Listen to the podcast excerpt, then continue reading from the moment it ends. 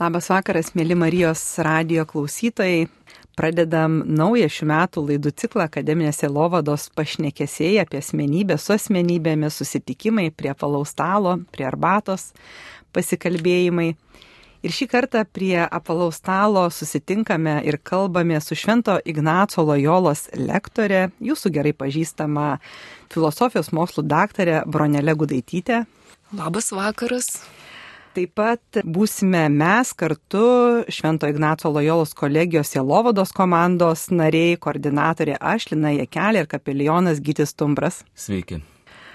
Šiandien turime tokį susitikimą kitokiu kampu, pasižiūrėti ir susitikti daugiau gal su asmenybė ir kuri savo gyvenimo išraišką turi per filosofinę prizmę.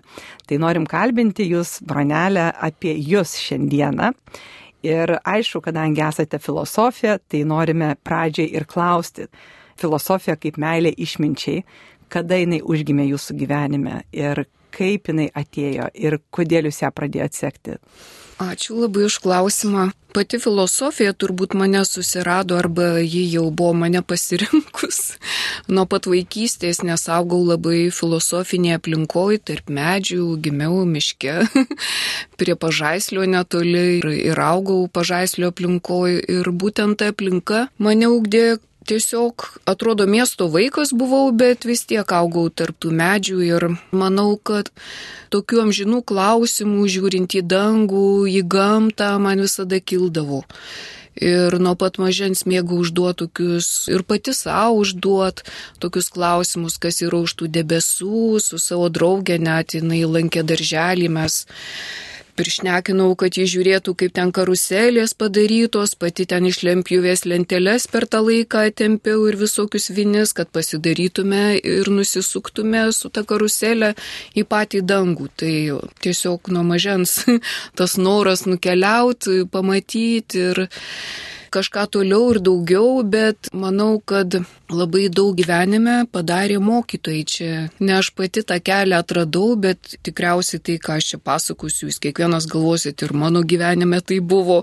Ir aš tą galėčiau patvirtinti, nes kai nugyveni ilgesnį laiko tarpą, tu matai tuos tarpsnius, kokie mokytojai tave vedė. Ir lygiai dabar mes turim savus mokytojus.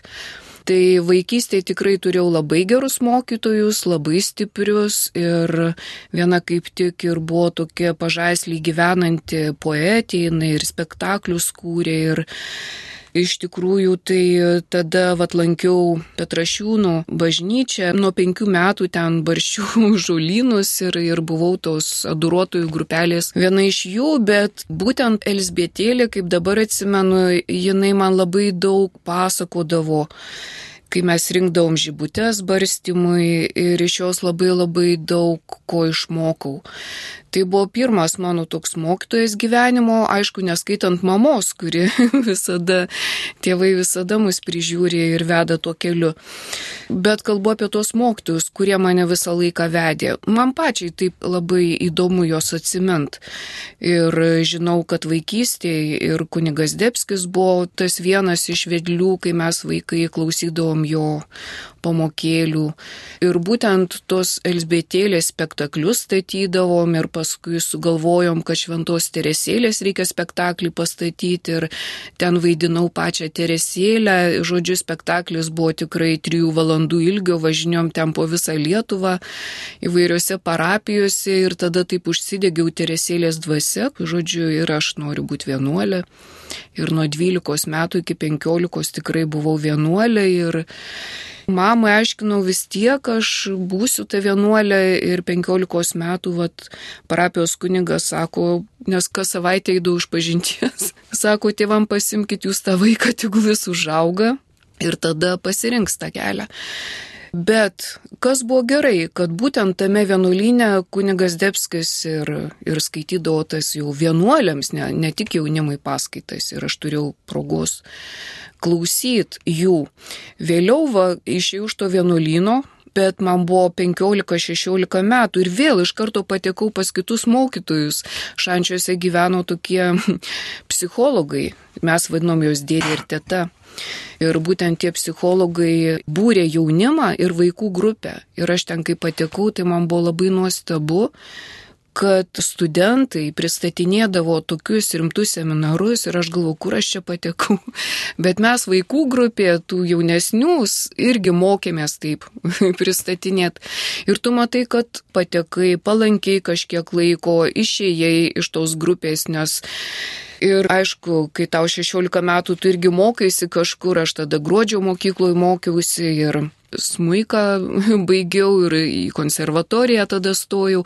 Žodžiu, įdomu tai, kad aš daug, daug grodama nuo pat mažens irgi visada jausdavaus kitokia negu kiti vaikai. Jie žaidžia, jie laksto, aš turiu po mokyklos daug valandų grot smuiku ir manau tas kitoniškumas jis irgi Dievo buvo duotas nu tam, kad tu nebijotum kitokių užsiemimų, nes kaip pagalvoju nuo pat mažens su broliu daug tekdavau praleisti laiko ir aš už jį šešiais metais jaunesnė, bet turėjau žaisti jų žaidimus.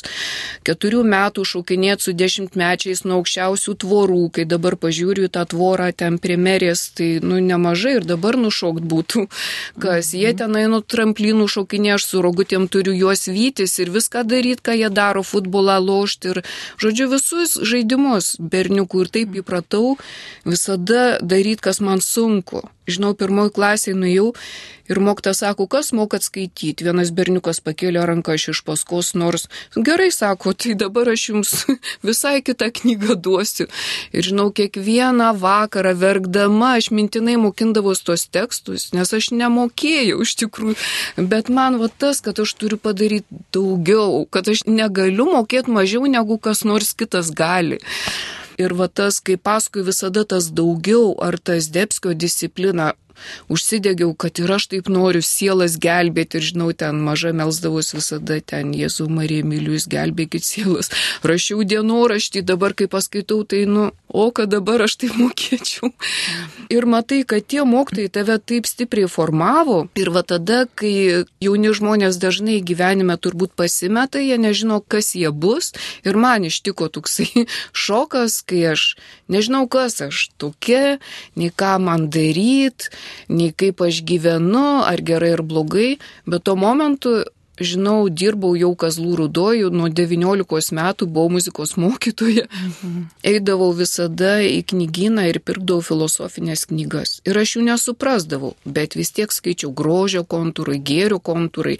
Ten tokie sunkus straipsniai, aš nusipirkau Aristotelio apie sielą, skaitau ir galvoju, bet iš kur tokie žmonės, kaip aš norėčiau būti, pati bandžiau romaną rašyti, ten žodžiu, mhm. kažin ką daryti. Nu, bet gyvenimas teka, tu gyveni, kažką veiki, veiki ir taip gavosi, kad su muzika toks tarpas, negalėjau grįžti atgal, nes ir vėlgi, kai mokiausi pas profesorių Jurgį Dvarioną, jis labai tikrai stiprus, aš labai jam dėkinga už viską, ką gavau iš jo, bet tai buvo taip sunku, tai aš turėjau daryti tai, ko aš gyvenime nesu darius. Aš galvoju, turbūt čia ne mano kelias, kad nu taip negali būti, negali būti taip sunku, bet jo tiesiog buvo nu, toks metodas dirbti, taip iškankint, kad pralaužti tą mokinį. Ir tada mečiau viską, nes kažkas man irgi šalia įrodė, kad jeigu tau taip sunku, tai tu neik, nu, kam tau ten eiti.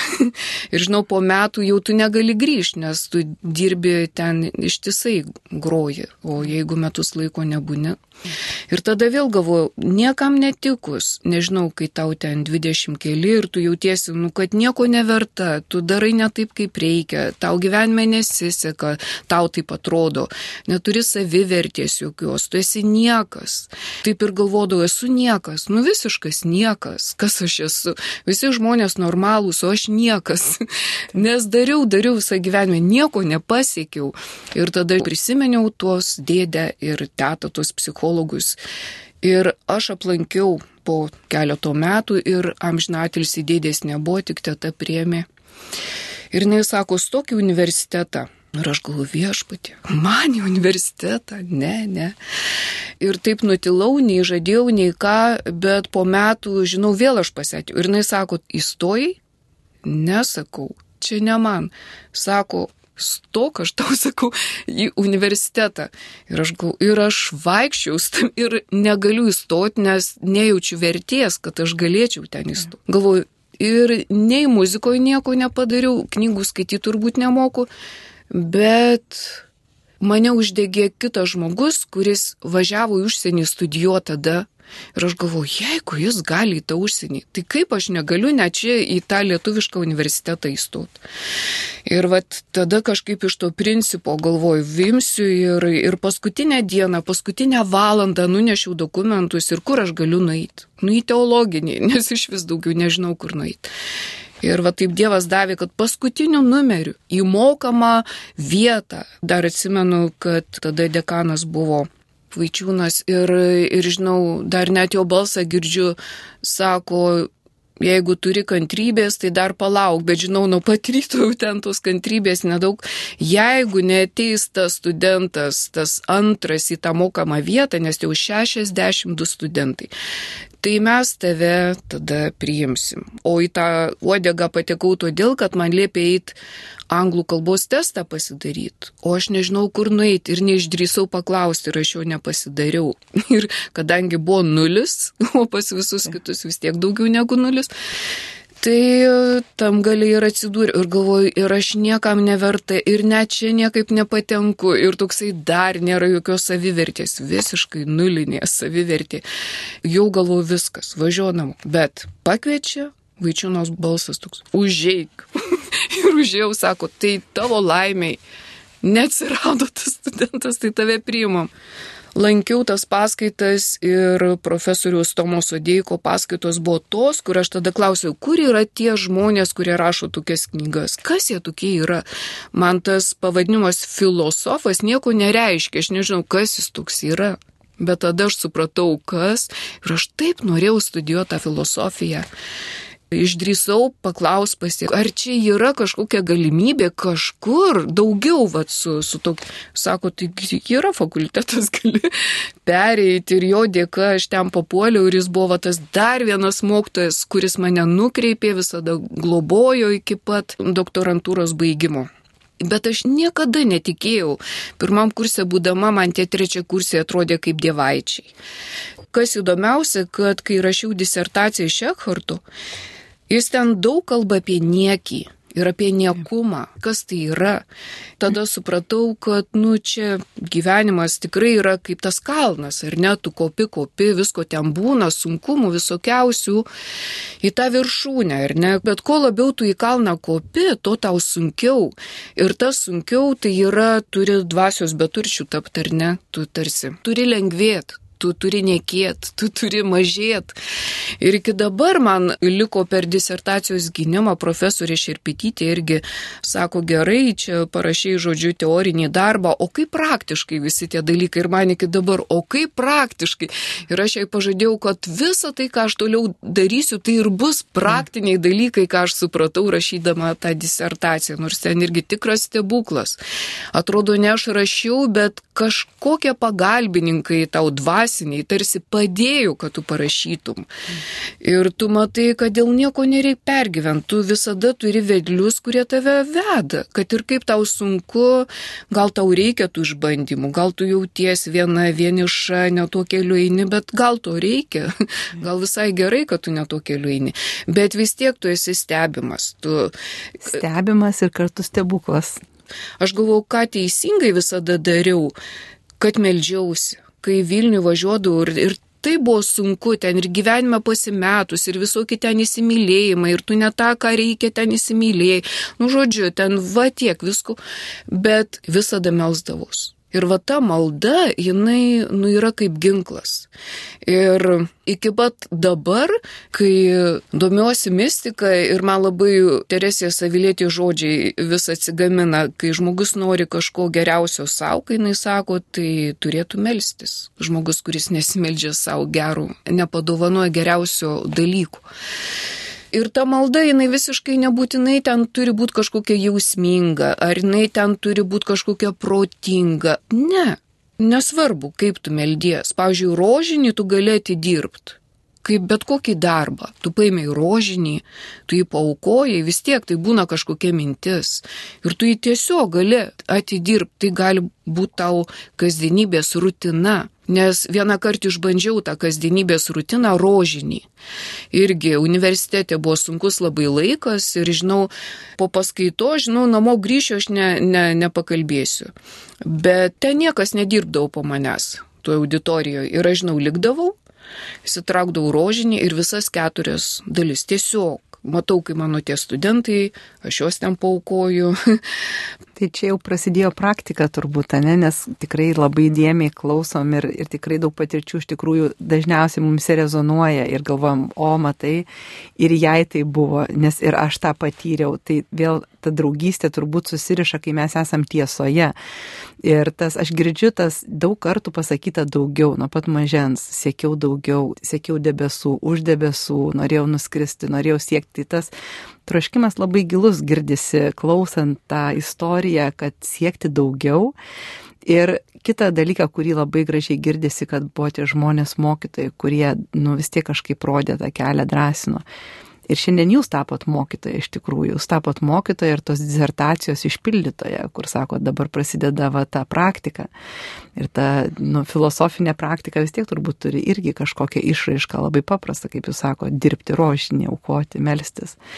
Kaip jums sekasi su mokiniais, iš tikrųjų, va, kaip vieną girdžiu momentą, kad išeina, jūs melžitės už juos kaip sekasi su jais draugauti arba juos vesti, lydėti, kaip dėstytojai, kaip mokytojai, kaip lyderiai, kurią gal mes žiūrėdami arba studentai žiūrėdami norime sekti. Aš nežinau, kaip man sekasi, čia turėtų galbūt įvertinti būtent, sakykime, tie mokiniai, bet aš pati jaučiuosi, kad aš esu mokinė kartu su jais, nes paskaitos pirmiausiai yra tai, ko aš pati ieškau.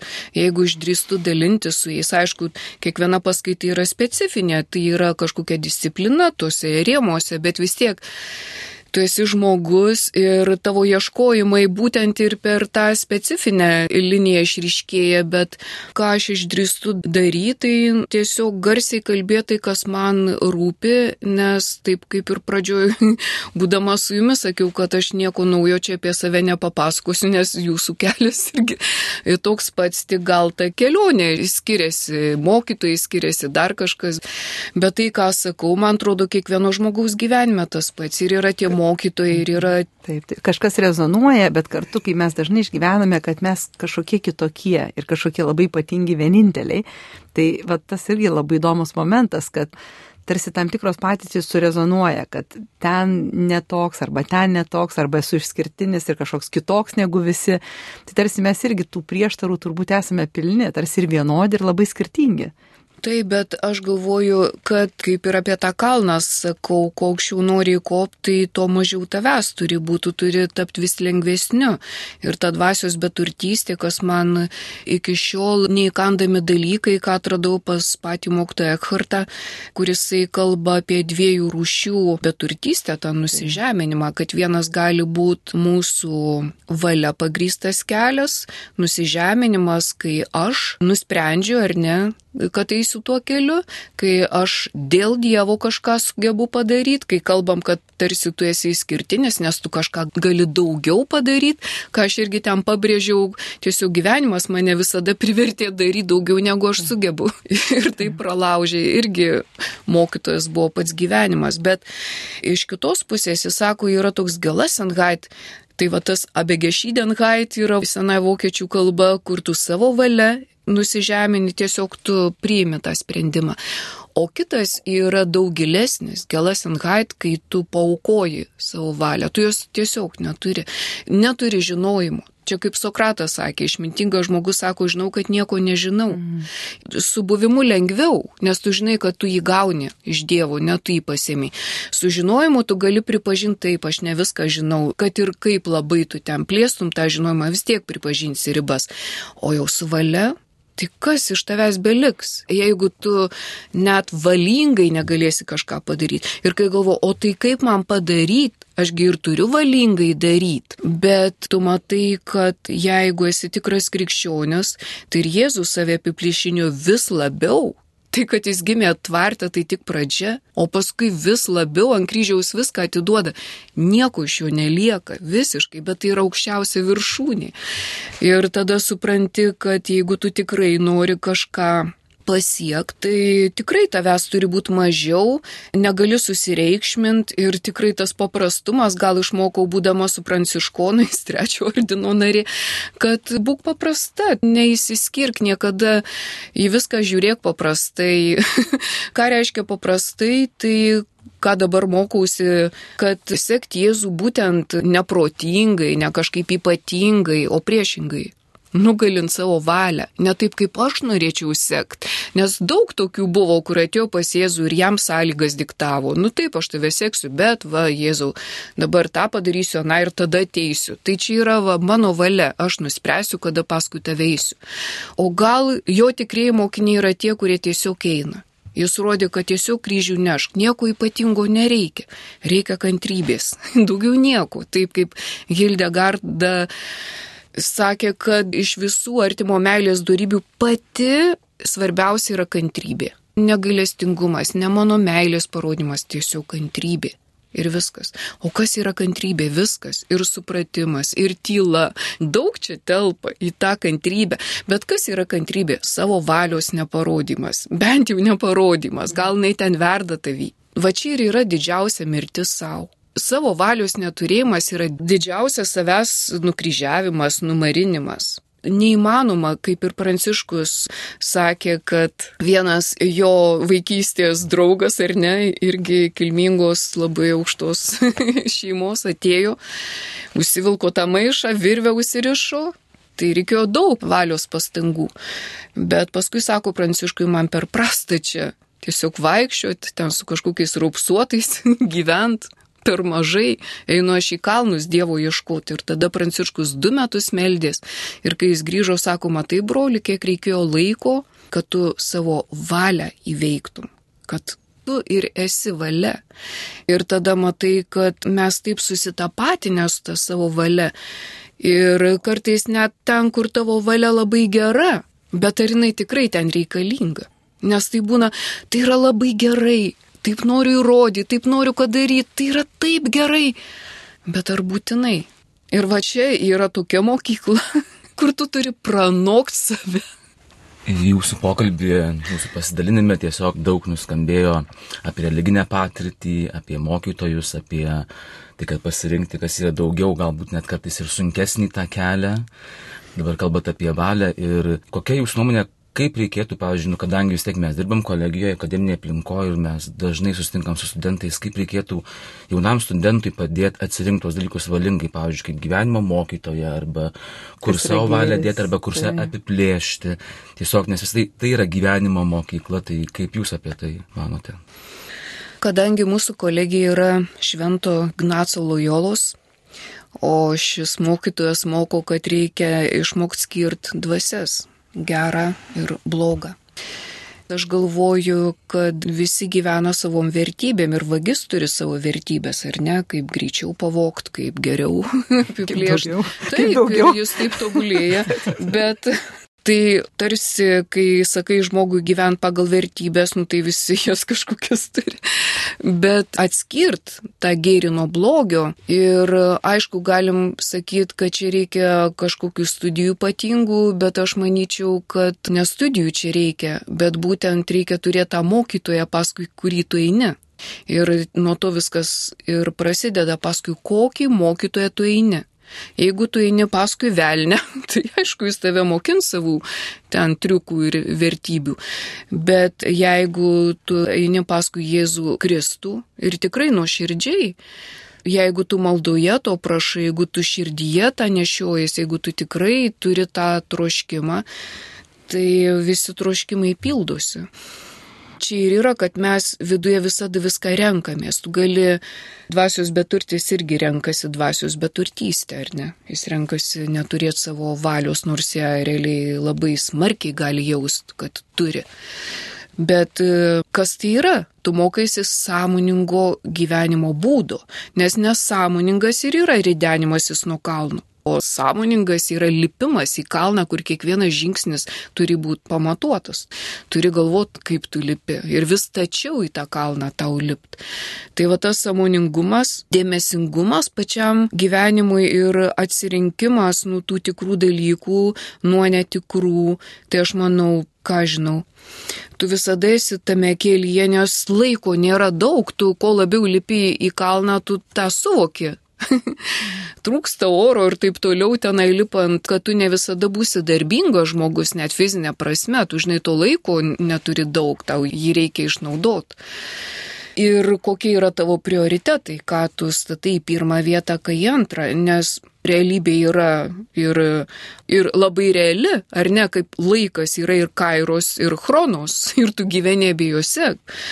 Ir va tame tu turi ir laiką mokėti tvarkytis, tu turi ir pinigus mokėti tvarkyti, nes tai yra kaip ir Jėzus sakė, kas ciesuriaus atiduok ciesuriui, tu ir čia dalyvauji, tu turi atsirinkti prioritetus. Ir laikė gali būti visi tavo darbai geri ir vienas už kitą geresni ir vis tiek tu turėsi atsirinkti kurie dabar darbai. Bet kai kalbam apie paklusnumą, tai labai dažnai reikia pabūti tyloje, nes kartais mes per daug įsivažiuojam į tą, kad viską aš turiu pats padaryti. Kartais reikia nusiramint ir priimt, kas ateina į tavo gyvenimą. Va šitoj vietoj aš galvoju, gali į tavo gyvenimą ateiti ir patys blogiausi dalykai, bet nebūtinai tu turi tą blogų. Būna tokių situacijų, kur tu atsiduri labai blogose situacijose, labai blogos sąlygos, bet tai nereiškia, kad tu turi irgi ten sublogėti, ar ne? Ir va čia tau kažkas tave ugdė, tu jau subrendai tai situacijai, kažkas tave mokė, kažkas tau kažką sakė. Aš manau, kad kai kalbėjom apie tą filosofinį tokį gyvenimo būdą, tai iš esmės filosofas tas, kuris mokosi numirt. Kaip tau išmok gyventi, kad tu teisingai numirtum? Turbūt taip. Tai ta akademinė aplinka ir ką kunigas kapelionas Gytis kalba, kad vis tiek tai yra jauni žmonės, kurie ateina žiūrėti, sekti, mokytis ir vis tiek jie tampa mūsų dalimi, kurie į mus žiūri. Ir aš labai džiaugiuosi, kad aš Švento Ignaco Lojolos kolegijoje vyksta tas draugystės momentas, kur mes iš tikrųjų per tą santykį, per tą susitikimą, per tą draugystę galime nebijoti būti, kas esame, dalintis, mes savo patirties, jie iš savo patirties ir tame keliauti. Ir aš kažkaip labai tikrai džiaugiuosi, kad ir mūsų kapelionas, kunigas Gytis, į tą draugystę irgi labai gražiai atsiliepia su studentais, nu, kartais neišgazdinant jų. Kartais jauną žmogų gazdina dvasingumas, bet per tą santykį, per tą gilesnę tikrovę jisai natūraliai ją panyra arba yra pakviečiamas. Nes nu, mes atpažįstam vis tiek viduje, kas mums skanu arba kur mums gera būti. Tai ta mūsų akademinė aplinka, jinai vis tiek neišvengiamai yra kad mes esam jos dalimi, kurie įtakojame tų žmonių gyvenimus. Tai ir labai džiaugiamės, kad jūs esat, nes tikrai labai tą prieskonį filosofinį gražų įnešate į tą mūsų akademinę bendruomenę. Ačiū. Aš pati labai džiaugiuosi, kad Dievas atvedė savais keliais ir takeliais į, šią kolegiją, nes Nežinau, aš tai matau, kad esmė yra dalintis, bet e, kai kalbam, kad e, ir mums mes gal save vadinam ten dėstytojais ar dar, dar kažko, bet iš tikrųjų tai yra mūsų gyvenimo mokyklos dalis. Mes čia esame irgi todėl, kad turim išmokti tam tikrų dalykų, mes susitinkam vieni su kitais, mes dalyjamės ir didelis džiaugsmas turėti tokią aplinką, kur tu gali dalintis geriausiais turtais, nes buvau ir kitose aplinkose, kur tu nelabai gali dalintis. Mm, mm. tai Dievas kartais leidžia paskui tokią atsvarą, kad pabūk ir ten, kur šilta, kur gera, kur supranta tuos dalykus, kur nori tų pačių dalykų, atliepia, kuriais tu gyveni, atliepia. Taip. taip. O dar, pavyzdžiui, jūsų religinės patirtys, ar buvo momentas, kuomet susikirsdavo su filosofiniu keliu? Man asmeniškai niekada. Nes mano ir filosofinis kelias būtent yra religijos filosofijos tyrinėjimai, reikėtų taip turbūt pasakyti. Man asmeniškai niekada. Suprantu, kad filosofija nėra teologija ir čia įvairūs požiūriai, įvairūs gali būti, nežinau, įvairių žmonės čia ieško išminties. ir, sakykime, tie, kurie netiki į Dievą ir, ir tie, kurie galbūt ir turi savo požiūrį į gyvenimą. Čia plati visuomenė. Tai šituo keliu gali. Aš sutikti būtent plačią ir įvairią visuomenę. Taip, bet tiesiog tik pastebi, ką ir sakiau, kad filosofijoje matai, kad tie žmonės labiau save laiko išminčiais, neieškančiais išminties, o save išminčiais. Ir tada jiems atrodo, kad tik tas kelias yra tik tas išminties kelias ir kad e, ten tiesa. Taip, taip. taip. Kad... Bet aš vis tiek noriu paklausti apie iššūkius šiandien dienai. Kokius, vat, ir būdama filosofijos daktarė ir daug nukeliavus savo gyvenimo patirties ir daug sekus mokytojų, Kokie didžiausi iššūkiai šiam laikė ir jums kyla? Ir kokius matot jaunam žmogui šiandien didžiausius iššūkius ir kaip ta filosofinė mintis gali mums padėti dorotis su šiandieniniais tais iššūkiais? Na, aš į filosofiją žiūriu ir ją suprantu kaip praktinę filosofiją, tai būtent kaip klausimą, kur link žmogus eina, apie tikslą. Nors atrodo, kad ta filosofija toks prestižinis mokslas tik savo, kad nelabai jį renkasi, nes žmonės galvo iš ko gyvens, kokios specialybės atneštų naudą. Bet e, iš kitos pusės daugam dabar reikia filosofijos, kad tiesiog gilintų gyvenimo klausimus, nes filosofija ne, neatsakinėja, jinai gilina klausimus. Ir aš matau, kad šių dienų jaunimas tikrai domisi filosofija, nors gali jos ir nesirenkt kaip specialybės, bet e, prasme čia atranda. Ir domisi, ir ta filosofija reikalinga kaip e, būdas gilintis į esminius gyvenime dalykus. Kaip Maceinas sakė, filosofas ne tas, kuris turi diplomą, ar ten dir prie savo vardu, bet tas, kuris sugeba klausimą peršnekėti, kitaip tariant, gilintis į vairius mhm. dalykus. Ką žinau, man atrodo, kad mes paskaitų metu į daug ką gilinamės ir, mhm. ir kartu mokomės su studentais. Už juos nesijaučiu nei kiek aukštesnė, tikrai esu visada tik mokinė, mokinė ir mokinė. Tai dėl to labai nebaisu dalinti su, su tokiais pačiais žmonėmis, kai jauti, kad atliepia tai, ko tu ieškai ir jie to paties ieško. -hmm. Tas labai gera. Ir kitas dalykas, aš manau, kad mūsų kolegijoje ir padrasinčiau visus, kad tikrai drąsiai stokite šitą kolegiją, kad ir koks jūsų amžiaus būtų, kad ir kiek diplomų turėtumėt, nes tai ateina žmonės ieškot, mokytis kažko gyvenime, ko galbūt jie savo neleido anksčiau. Pavyzdžiui, galbūt rinkosi specialiai specialybę, kuri ten giminės patarė, daugiau uždirbsi ar dar kažką.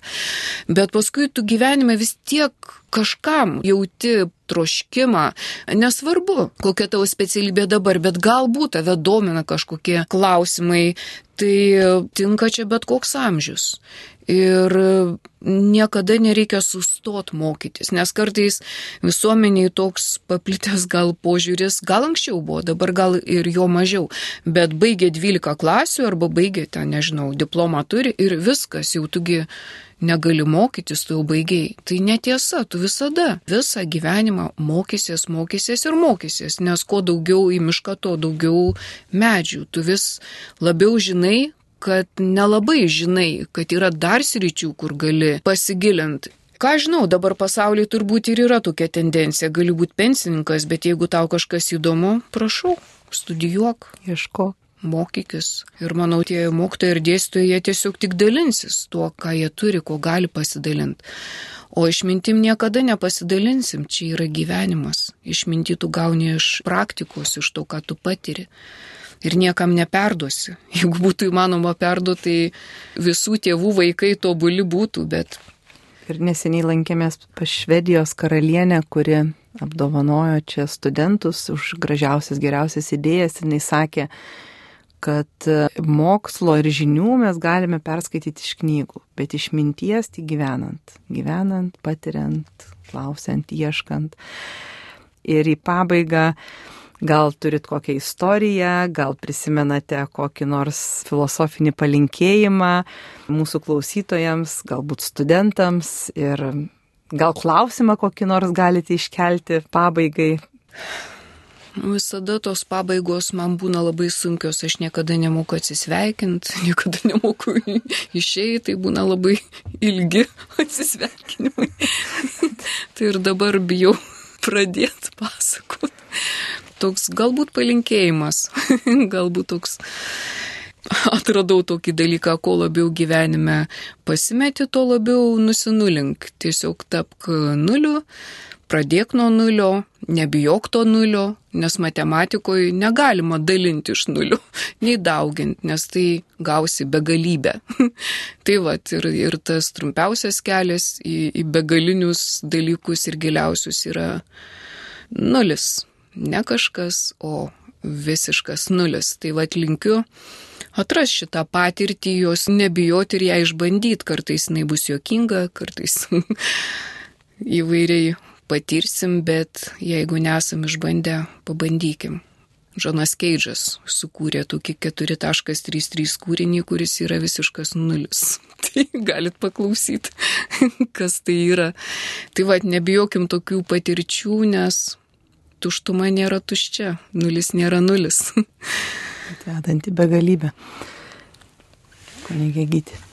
Aš tai labai džiaugiuosi šitą laidą, iš tikrųjų, nu, pradėjau studijuoti teologiją, kunigų seminarai, tai man filosofiniai metai buvo vieni įspūdingiausių metų. Galbūt sunkiausia buvo filosofijos istorija, nes esu istorija ir vidurinį mokyklą, man ne, ne kažkaip sekėsi, bet man patiko filosofija tuo, kad nu, yra daugiau klausimų negu atsakymų. Ir patiko tuo, kad susidūriau su įvairiausiais dėstytojais, tikrai su profesionalais, bet kartu, kaip sakėte, jūs, Branelė, kurie sugebėjo kartu su mumis mokytis, tai mano tas jūsų atvirumas ir pasidalinimas apie tą kartu mokymasi su įvairiausio amžiaus žmonėmis, su jų patirtimis, tai man yra pats gražiausias dalykas ir aš tikrai linkiu kiekvienam būti atviram mokyklai ir, kaip jūs sakėt, nebijoto nulio, arba netgi aš kartais ir žmonėms sakau, nebijot savo nuodėmės, yra kelias visada į priekį. Nuodėmė arba tas sugrįžimas į nulį, tai likim Dievo gailestingumui, bet eiti į priekį visada reikia ir, ir ne, nebijoti turėti drąsos, atvirom akim, atvirom širdim ir nebijoti aplink supančių mūsų kažkokio tai blogio, jeigu mes jį sutinkam, bet, aišku, jo neignoruot, bet neužmėgst pokalbio su juo, bet eiti savo keliu, kur tu valingai gali pasirinkti, bet kartu pirmiausia leidžiant Dievo valiai. Tai ačiū už tą pasidalinimą apie valią, labai irgi svarbus dalykas. Tai visiems linkiu to valios, momento, kažkokio kūrybiškumo ypatingai, atvirumo ir pasitikėjimo Dievu, jos stiprybė mumise.